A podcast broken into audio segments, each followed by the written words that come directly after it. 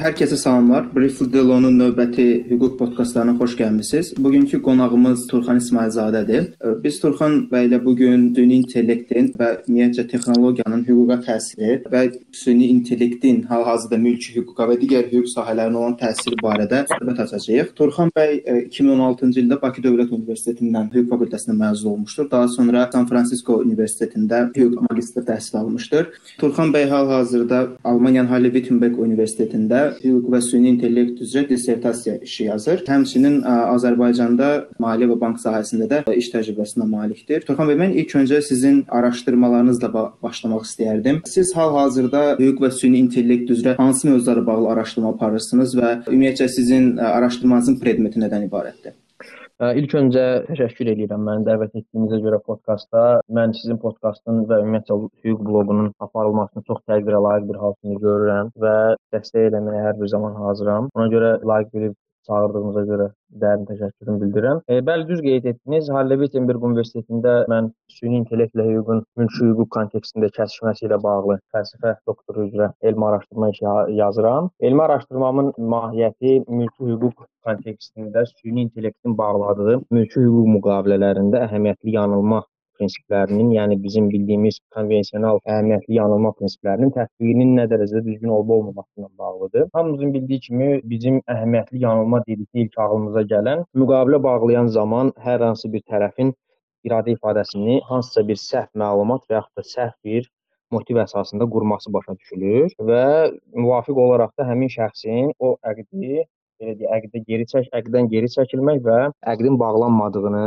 iddia etmək hüququ var. Bunun da əsası 1900-də, 1800-cü illərdə Friedrich von Savigny deyilən bir alman alimi tərəfindən qoyulmuşdu. O alim mülki hüququn atası hesab olunur e, ümumiyyətcə alman elmində və həmin alimin dediyinə görə insanların psixoloji psixoloji anlamda baş verə biləcəyi və yaxud da edə biləcəyi səhvlər mülki hüquqda da nəzərə alınmalıdır və bu səbəbdən də mülki hüquqda bağladıkları müqavilədən səhv etdiklərinə görə çəkilmə imkanları olmalıdır. Mənim sualımın əsas məqsədi isə ondan ibarətdir ki, süni intellektdə biz bildiyimiz kimi bu günləri bir çox mülki mülki müqavilələrin bağlanmasında birbaşa iştirak edir.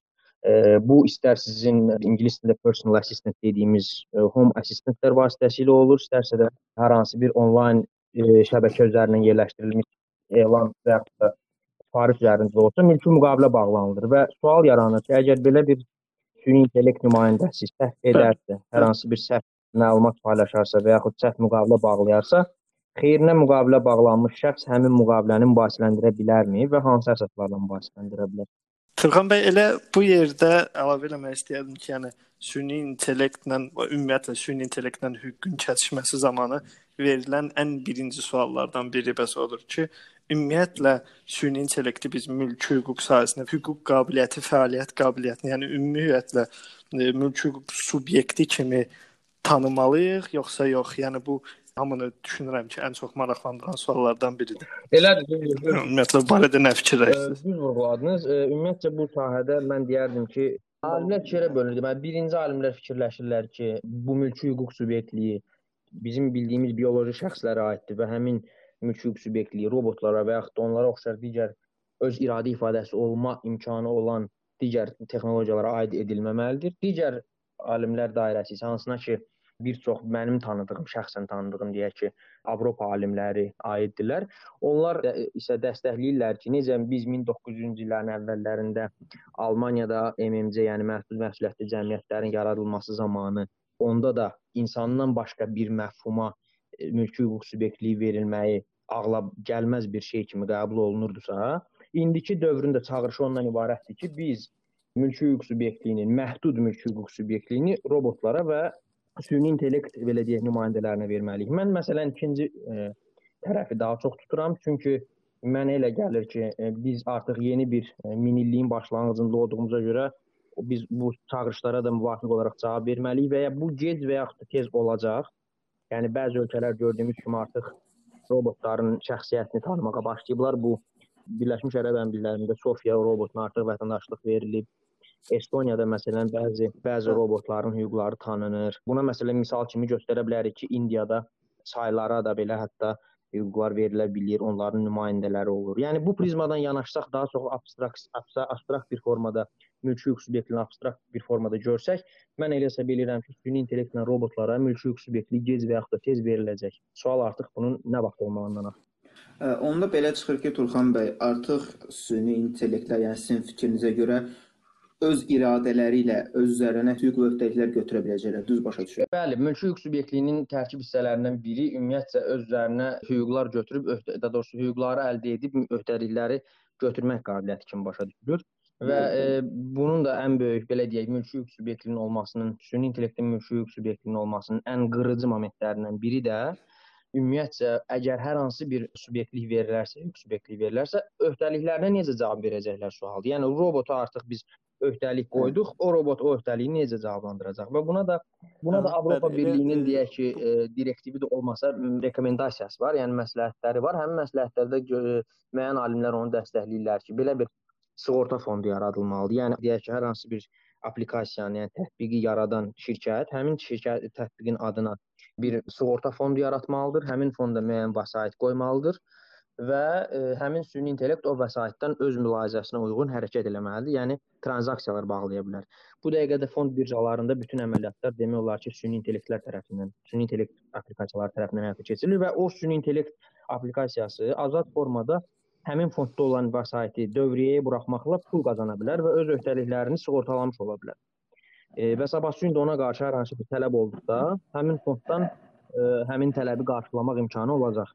Bizim birinci, səhv eləmirəmsə elə birinci epizoddaydı Rəşad İbadov bu məsələyə toxunmuşdu. E, orada süni intellektin ümumiyyətlə məsuliyyəti barədə idi. O əməliyyat edən robotlardan danışırdı və müzakirə müzakirə zamanı deyir, qeyd edirdi ki, bəs əməliyyatın nəticəsinə və xəstənin özünün vəziyyətinə uyğun olaraq süni intellektə sahib olan robot özü artıq əməliyyat məqamında qərar verirdi ki, bəs belə deyək, xəstənin həyatı davam etməlidir yoxsa artıq etməsinə heç bir e, nəticə və ya mənası yoxdur.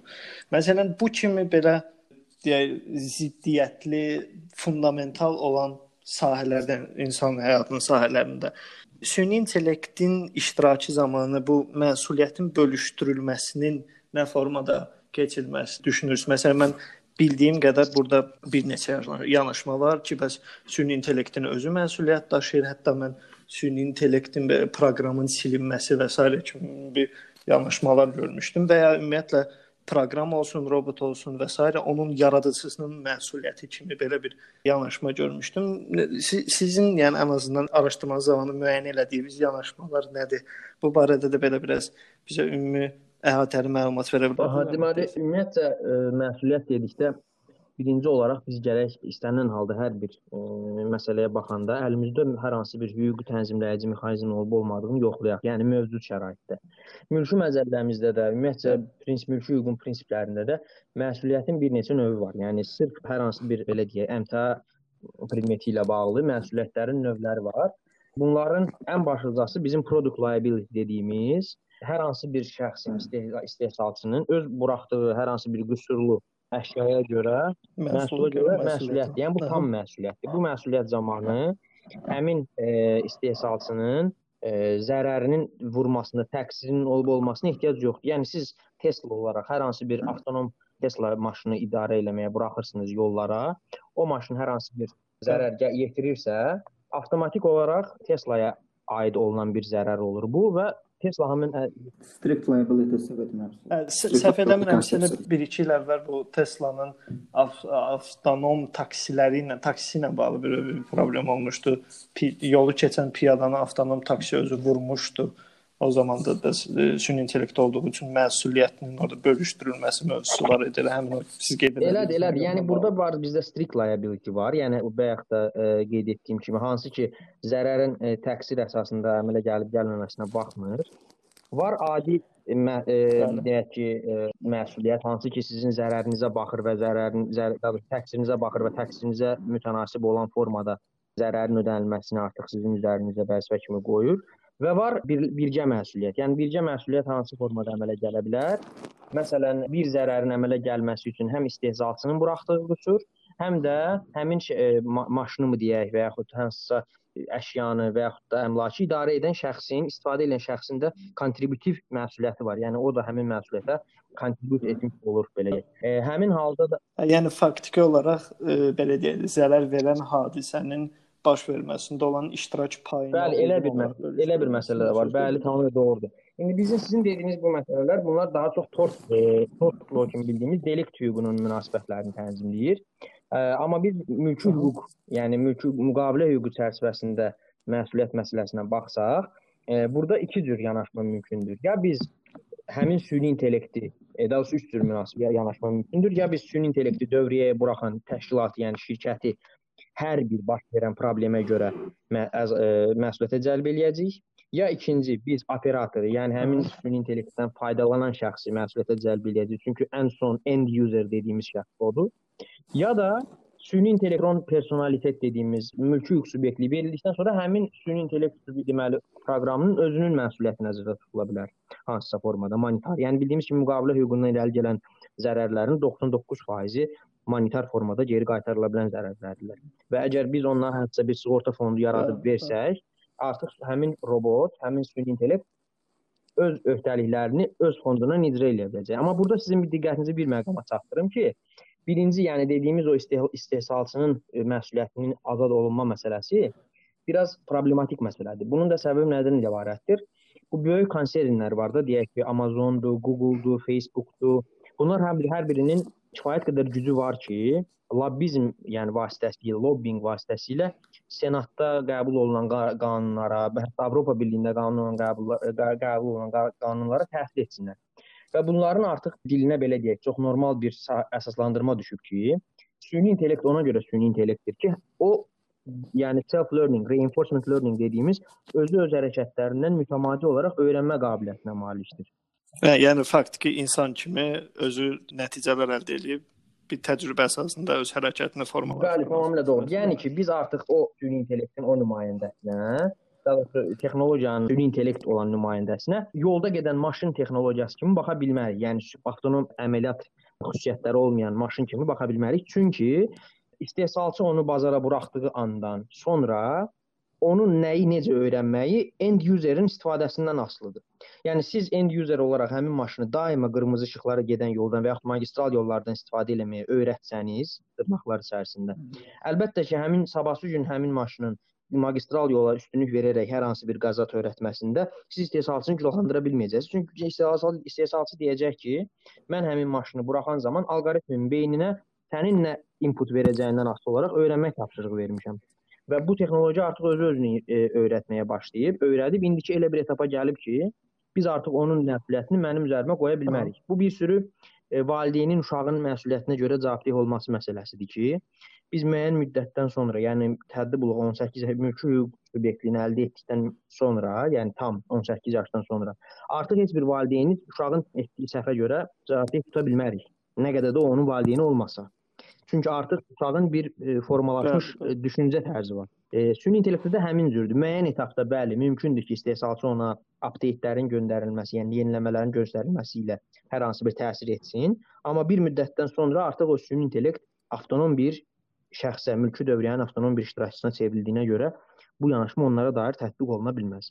Yerdə qalır user, yerdə qalır yəni son istifadəçinin məsuliyyəti. O da nəyə görə mümkün deyil? E, bəzi e, alimlərin fikrincə ki, mən də buna razılıq öz fikrimi məncə bildirmişəm artıq bir dəfə də məqalə yazmışam bununla bağlı.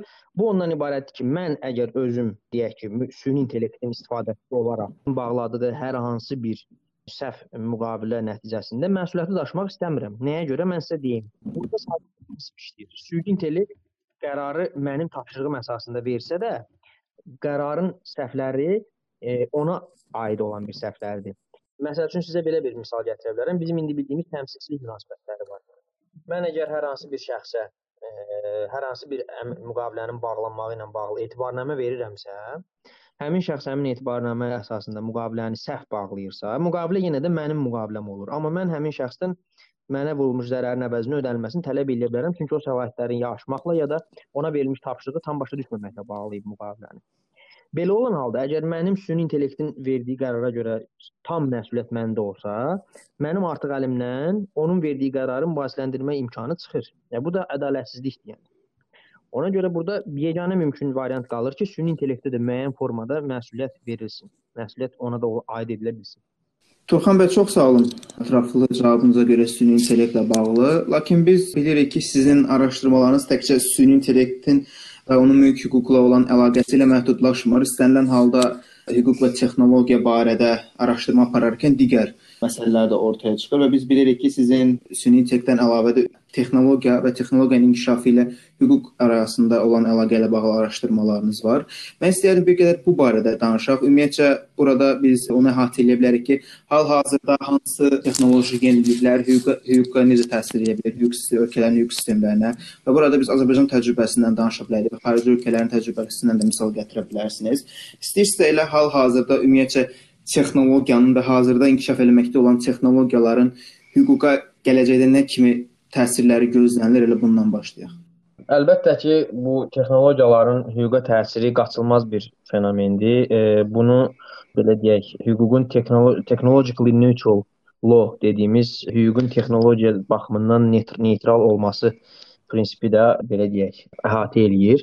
Bu prinsip nə deməkdir? Bu prinsip o deməkdir ki, biz qanunverici olaraq və yaxud da qanunu şərh edən məhkəmələr olaraq qanunu o formada şərh və yazmalıyıq ki, qanun gələcək nəsillər tərəfindən istənilən texnologiya belə deyək, inkişafından sonra həmin qanunun tətbiqi sual altına alınmasın və həmin qanun o texnologiyalarda tətbiq oluna bilsin. Maalesef təəssüf olsun ki, biz bunu ə, e, nə öz ölkəmizdə, nə də digər aparıcı ölkələrin təcrübəsində görə bilmirik. Hətta Avropa Birliyinin, Amerikanın aparıcı ştat, federal və ştat səviyyədə olan qanunvericiləri də belə qanunları texnoloji neytral yaza bilmirlər və bunun problemi heç də qanunvericidə axtarmaq lazım deyil. Bunun problemi deməyək, dırnaq arası problemi texnologiyanın çox güclü inkişaf etməsidir. Bunun ən birinci nümunəsi blockchain texnologiyalarıdır. Distributed ledger əsasında, yəni mərkəzləşdirilməmiş qovluq formasına tərcümə oluna bilən distributed ledger əsaslı texnologiyadır ki, blockchain-in əsas məqsədi məlumatlar bazasının bir təşkilatdan, yəni deyək ki, bu bankda ola bilər, bu hansısa bir dövlət orqanında bilər, ə, ola bilər. O tə o təşkilatların təsir dairəsindən almaq, məlumatların şəffaf, təhlükəsiz, məlumatın dəyişməzliyini nəzərə alaraq mərkəzləşdirilmiş idarəetmənin olmadan bir yerə cəmlənməsi və müəyyən tranzaksiyaların aparılması sistemi kimi başa düşmək olar. Və blockchain texnologiyalarının dünya təcrübəsində hüquqa çox böyük təsiri var. Bunun ən başlıca nümunəsi bizim blockchain e, belə deyək dilində smart contract dediyimiz e, ağıllı müqavilələrdir. E, həmin o ağıllı müqavilələr, smart kontraktlar özü özlüyünü, özü özlüyündə bağlanan, özü özlüyündə icra olunan və icrasına görə özü də sanksiyanı tətbiq edən bir avtomatlaşdırılmış sistemdir. Yəni bir kontragent digər kontragentlə öz bloklarında, yəni blok dediyimiz bu blockchain-in tərkib hissəsi olan bir qovluq kimi o məlumatları bölüşürlər və sizə sadə bir smart kontrakt misalı deyim. A şəxsinin e, anbarından B şəxsinin anbarına filan blokda göstərilmiş məlumatlara uyğun ə, e, mal daxil olduqdan sonra B şəxsinin wallet-i, yəni pul qabısından filan qədər Bitcoin mi, indi Ethereum mu A şəxsinin e, wallet-inə köçürülür. Yəni burada məsələ o qədər avtomatlaşdırılıb ki, tərəflərin subyektiv qatqı qatmağına şərait qalmır. Suallar çıxır ortaya ki, e, sırf hüquq kontekstində baxıram məsələyə. Suallar çıxır ortaya ki, okey, force majeure halı olduqda blockchain-in də ən böyük səbəb e, belə deyək, səciyyəvi xarakteri ondan ibarətdir ki, blockchain-də olan məlumatlar dəyişdirilə bilməz. Yəni siz bir smart kontrakt ora vurmusunuzsa, hətta tərəflər istəyirsə də belə girib həmin smart kontraktı dəyişdirə bilmirsiniz. Çünki onu dəyişdirməyiniz üçün dünyaca bütün yerlərdə e, bütün hər bir ölkədə olan deməli siz e, userlərdən həmin məlumatı eyni zamanda dəyişməyini etməlisiniz. Amma bu mümkünsüz bir şeydir. Çünki o qədər end user var ki, yəni təsdiqləyən e, user var ki, orada siz onların kompüterini eyni vaxtda hək edə bilmirsiniz. Ona görə sual yaranır. Tərəflərin iradəsi ola-ola belə smart kontraktı necə dəyişsinlər? İkinci smart kontrakt yaradılmalıdır avtomatik olaraq. Bir sual çıxır ki, müqavilənin tərəfləri əhəmiyyətli yanılma əsasında müqaviləni bağladıqlarını başa düşsələr, deyək ki, bir tərəf digər tərəfə pulu az müqavilədə az pul göstərdiyini gördüyü, gördüyünü bildirir. Digər tərəf isə razılaşmır. Blockchain smart kontrakt avtomatik olaraq o pulu artıq transfer eləyir. Nəticədə məhkəməyə müraciət olunanda məhkəmə bunu müqavilə kimi artıq görəcəkmi ki, kontekstində yoxsa yox. Ümumiyyətcə smart kontraktın smart formada olmağı, yəni blockchain-də olmağı, müqavilənin yazılı olması tələbinə cavab verir yoxsa yox. Yəni bunu biz yazılı kimi, kodu yazılı kimi bir müqavilə kimi görürük yoxsa yox. Belə bir suallar çıxır texnik, yəni texniki baxımından və hüquq sistemləri də bunu qarşılamağa hazır deyillər.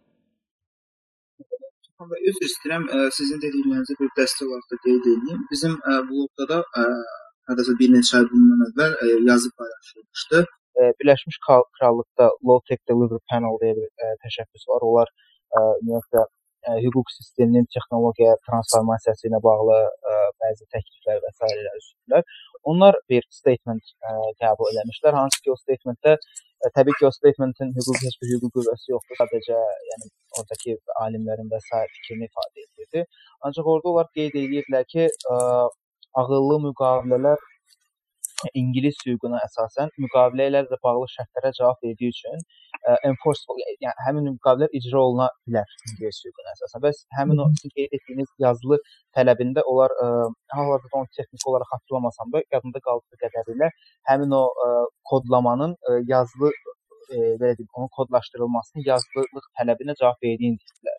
E, siz bu barədə nə fikirləşirsiniz? Yəni sizcə də ingilis hüququna əsasən, yəni bu e, nə qədər e, yəni doğrudur və yaxud bilmirəm, yəni ingilis e, hüququ Anglo-Sakson hüquq sisteminə aiddir və Azərbaycan hüququ isə konvensional hüquq sisteminə aiddir.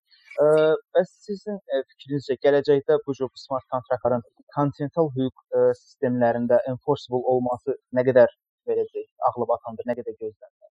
Sözün açığı, e, belə deyim, birinci ilk olaraq ingilis hüququnda aydınlatma verim ki, bəli, o kontinental hüquqdan fərqli olaraq orada judge made law, yəni hakim tərəfindən şərh nəticəsində illərlə yığılmış, hətta əsrlərlə yığılmış qərarlar toplusundan irəli gəlir və orada e, manipulyasiya etməyin imkanınız, qanunla manipulyasiya etmə imkanınız sizin həddən artıq çoxdur və hakimlər də artıq qanunu yerində yaradırlar. Əgər siz hakimi inandıra bilsəniz ki, tərəflərin ikisinin də iradə ifadəsi, hansı ki qanun e, müqavilə üçün əsas olan iradə ifadəsi var və ingilis hüququnda olan o digər şərtlər, hansılardan ki biri consideration, yəni bir tərəf digərə 1 dollar da olsa belə nəsə verməlidir deyə bir şərt də olduğunu sübut etsəniz, əşyanın müəyyən olunduğunu sübut etsəniz, əlbəttə ki, müqavilənin olduğu aydın olacaq. İndi gələk kontinental hüquq sahəsinə. Kontinental hüquqda biraz vəziyyət tam tamamilə də olmasa fərqlidir. Bizdə bu judge made law deyil, legislator made law, yəni qanunverici tərəfindən müəyyən olunan qanundur. Bizim sırf Azərbaycan mülki məzəlləsi baxımından bu blockchain-də olan smart kontraktların tətbiqini qanuniləşdirmək, yəni həmin müqavilənin etibarsız olmasına gətirib çıxaran halları aradan qaldırmaqdan ötürü hərfi mənada 1-2 dənə dəyişiklik edilməsi e, bəs edər.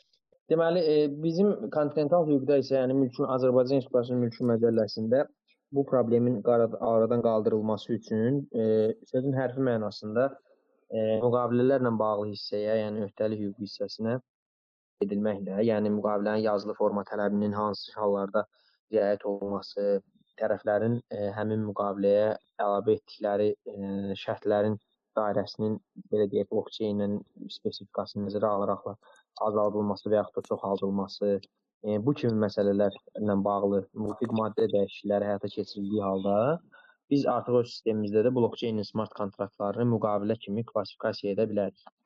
Sadəcə olaraq bunun üçün ilk olaraq ə, e, Azərbaycanda blockchain müqavilələrinin tətbiqi stimullaşdırılmalıdır. Yəni mən bildiyim qədərilə Azərbaycanda yəni çox az miner var, ümumiyyətcə, yəni e, blockchain üzərindən tranzaksiyaları təsdiq edən şəxslər var ki, bunların sayı az olsa, artıq biz o blockchain üzərindən tranzaksiyalar aparan şəxslərin sayının çox olmasından danışa bilmərik. Və ikinci bir məsələ də ondan ibarətdir ki, blockchain-ə hər bir hər müqavilə salınmır. Yəni məsələn, franchising müqaviləsini siz blockchain-ə salmaqla heç nə əldə etməyəcəksiniz. Çünki franchise müqaviləsi daimi əsaslarla yenilənən bir müqavilə münasibətləridir. Yəni siz orada sizin ə, royalty fee-ləriniz var, siz artıq ə, daimi yoxlamalar keçirməlisiniz və s. və axır. Yəni orada insan faktorunu aradan qaldırmaq, tam aradan qaldırmaq mümkün deyil. İlk növbədə blokçeynə keçirilə bilən müqavilələr məsələn kredit müqavilələridir.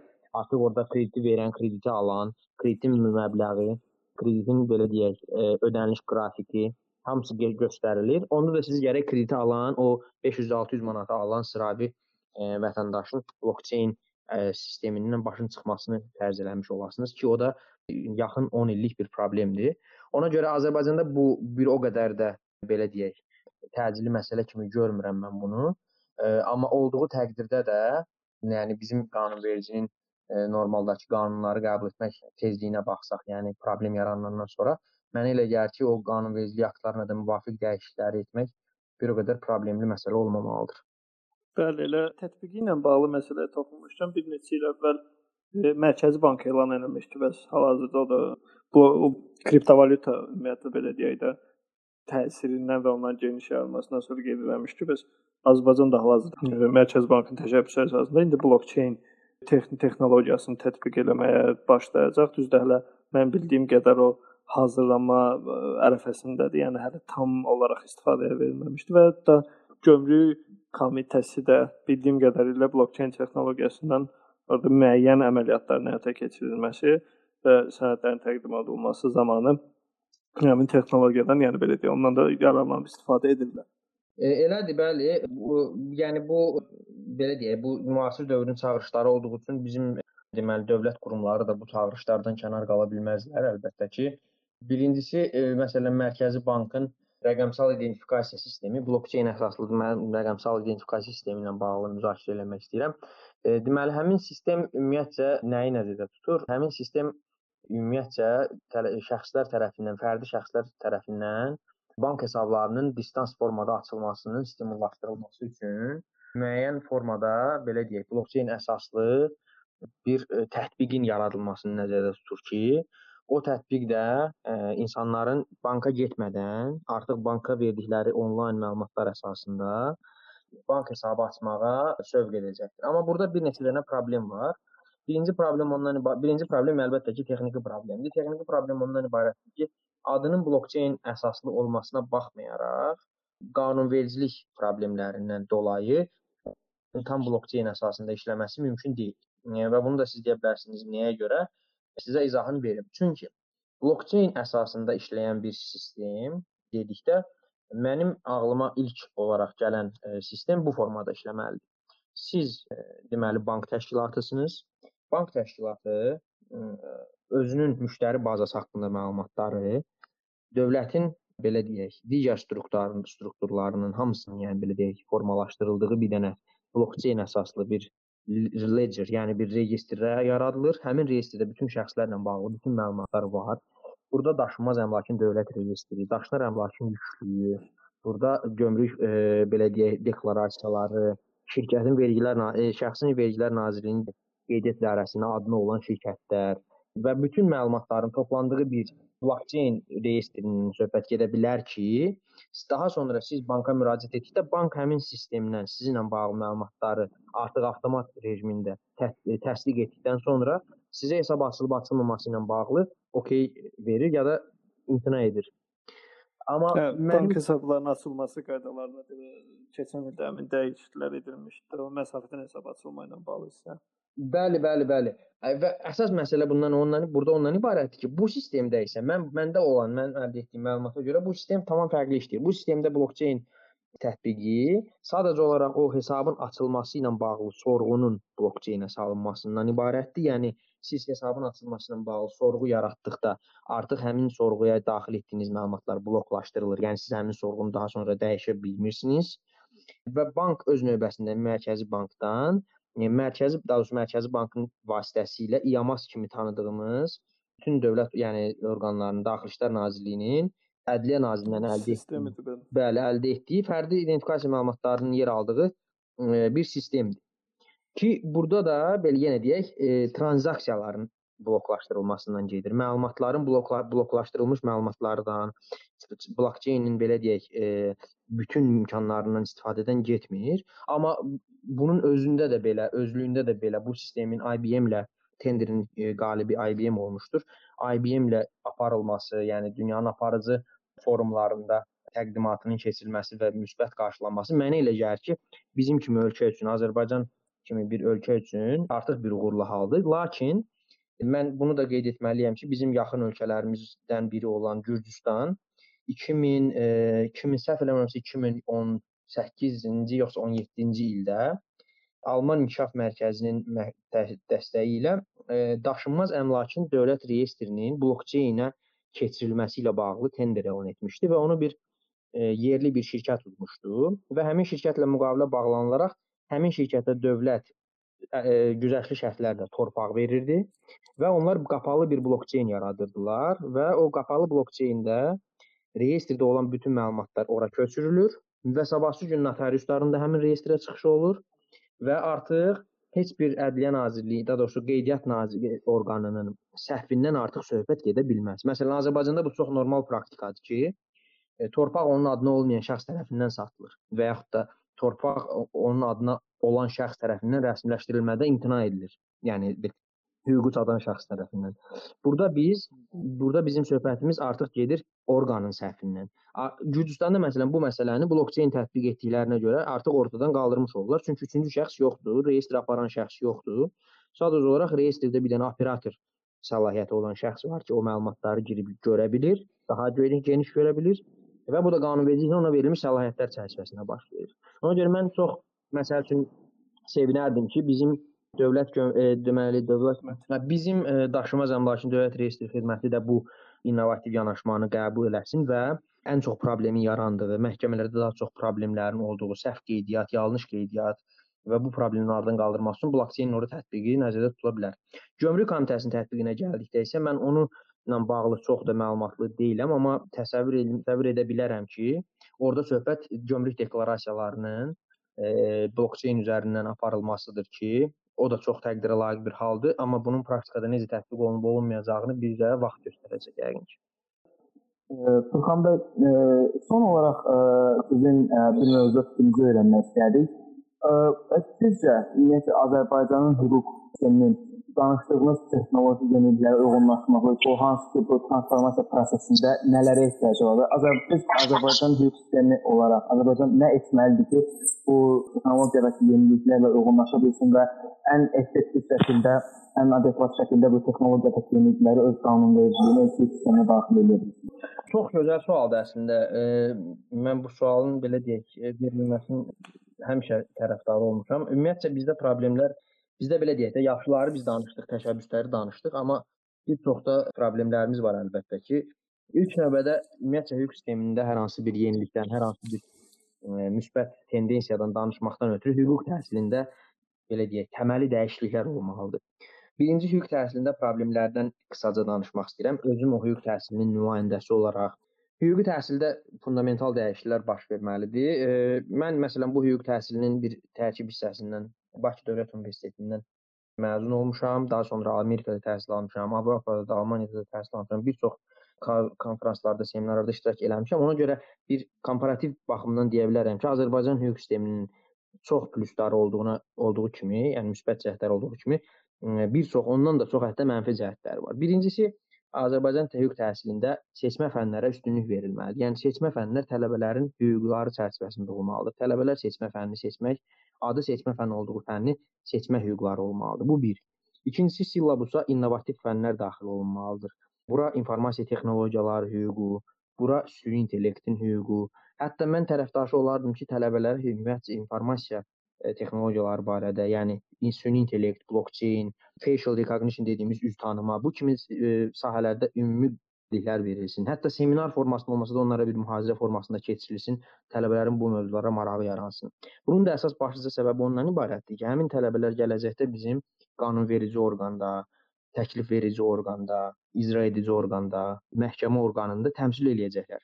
Və həmin orqanlarda bizim ən böyük çatışmayan kadrımız e, bu sahədədir. Yeni qanunları, baş, yeni çağırışları başa düşməyən, yeni çağırışlara cavab verə bilməyən, belə deyək, hüquq təhsilini yalnız prokuror olmaqdan ötürü, dövlət ittihamçısı olmaqdan ötürü o, o, o sahəyə gedən şəxslərimiz var ki, çox gözəl olardı ki, bu şəxslər texnologiyaya sövq olunsunlar, texnologiyanın nə dərəcədə yeni bir sahə olduğunu görərək konvensional hüquq düşüncəsindən deyil, daha çox reformator baxımından baxsınlar. İkinci məsələ qanunvericilikdə dəyişikliklər olmalıdır və bu qanunvericilikdə dəyişikliklər ictimai müzakirəyə çıxarılmalıdır.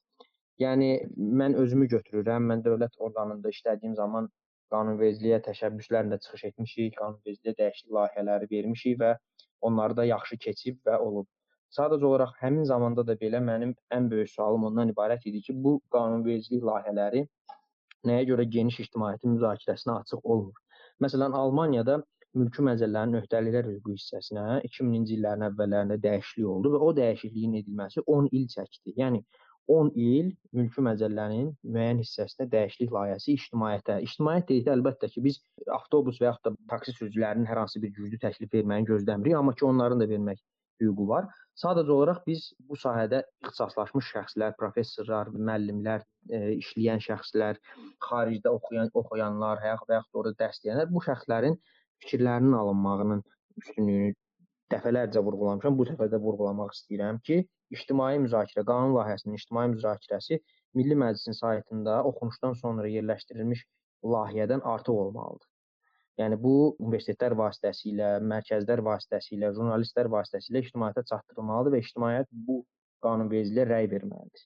Buna bir belə deyək də, public tracking track changes kimi baxım baxılmalıdır bu məsələyə ümumi yanaşmada. Və ən sonda da ki, əlbəttə ki, biz öz, öz yanaşmamızı dəyişməliyik.